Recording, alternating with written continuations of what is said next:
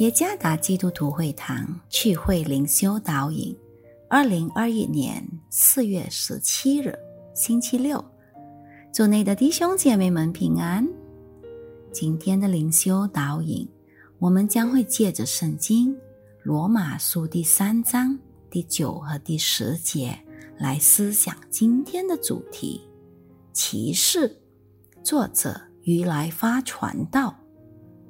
罗马书第三章第九节，这却怎么样呢？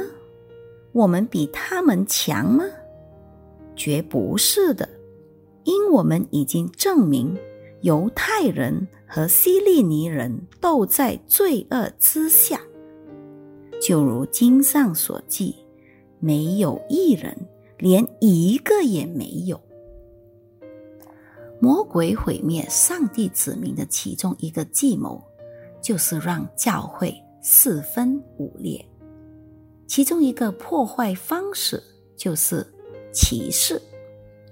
歧视是基于种族、性别、社会阶级或其他问题待遇的差异。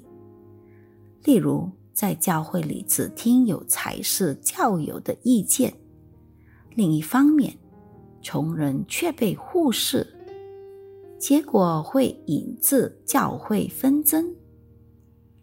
那些有才识的被认为是对的，而那些贫穷的却被认为是错的。魔鬼对此而感到特别高兴。由犹太人和希腊人组成的罗马教会里发生了一些纷争。犹太人认为，教会应当继续保留犹太人特殊的地位，成为接受摩西律法的继承人。教会必须继承摩西的律法。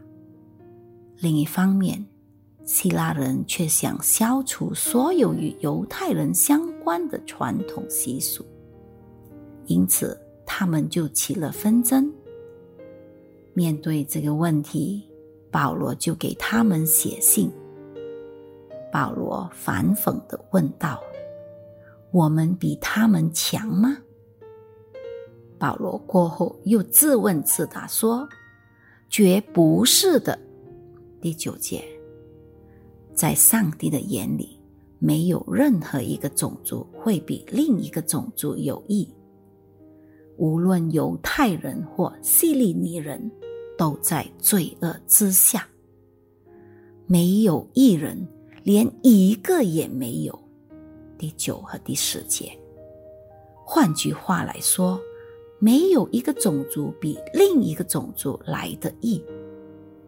因此，没有任何种族有权鄙视、压迫和歧视其他种族。教会今日的光景也是如此。我们都是罪人，我们是透过耶稣基督的恩典得到赦免的。教会也当如此，不能基于种族、社会地位或身体状况、恩赐、恩典来骗待教友。教会的每一个成员都有权利受到平等的对待。当教会开始偏待人时，他就不再是跟随基督的群体了。